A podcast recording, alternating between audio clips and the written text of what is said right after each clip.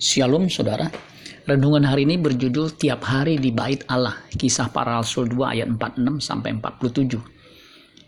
Dengan bertekun dan dengan sehati, mereka berkumpul tiap-tiap hari dalam bait Allah. Mereka memecahkan roti di rumah masing-masing secara bergilir dan makan bersama-sama dengan gembira dan dengan tulus hati sambil memuji Allah. Dan mereka disukai semua orang. Dan tiap-tiap hari Tuhan menambah jumlah mereka dengan orang yang diselamatkan. Anggota gereja mula-mula berkumpul tiap hari di bait Allah. Hal itu mereka lakukan dengan kompak dan dengan tekun.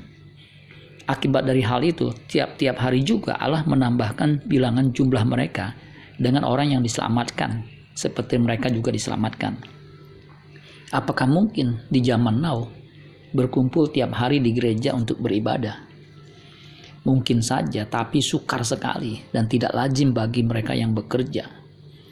Umumnya, kita beribadah di gereja seminggu sekali atau satu kali di tengah minggu, hari lain di luar hari minggu. Lagi pula, apakah harus secara hurufiah hal itu ditiru?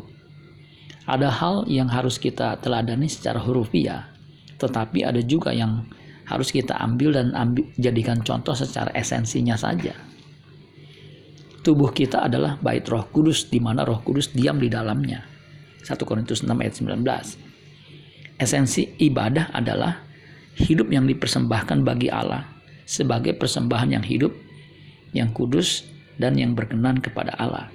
Jadi ibadah bukan hanya sekedar, sekedar liturgi, pujian dan nyanyian, tetapi bagaimana hidup kita berkenan kepada Allah Bapa melalui perilaku yang baik tidak melukai orang lain sehingga Tuhan dipermuliakan. Hal inilah yang harus kita lakukan setiap hari. Ketika kita memahami bahwa menyembah Allah dalam roh dan kebenaran, maka kita adalah orang yang dicari oleh Allah, oleh Allah Bapa.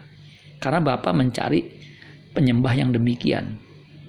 Ibadah kita tidak dibatasi oleh waktu dan ruang atau gedung gereja, melainkan kehidupan yang digelar setiap hari Kehidupan seperti Kristus itulah ibadah yang sejati atau yang sesungguhnya.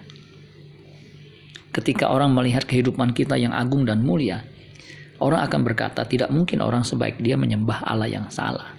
Pasti Allahnya adalah Allah yang benar. Bisa saja hal ini akan menarik orang itu untuk datang kepada Kristus.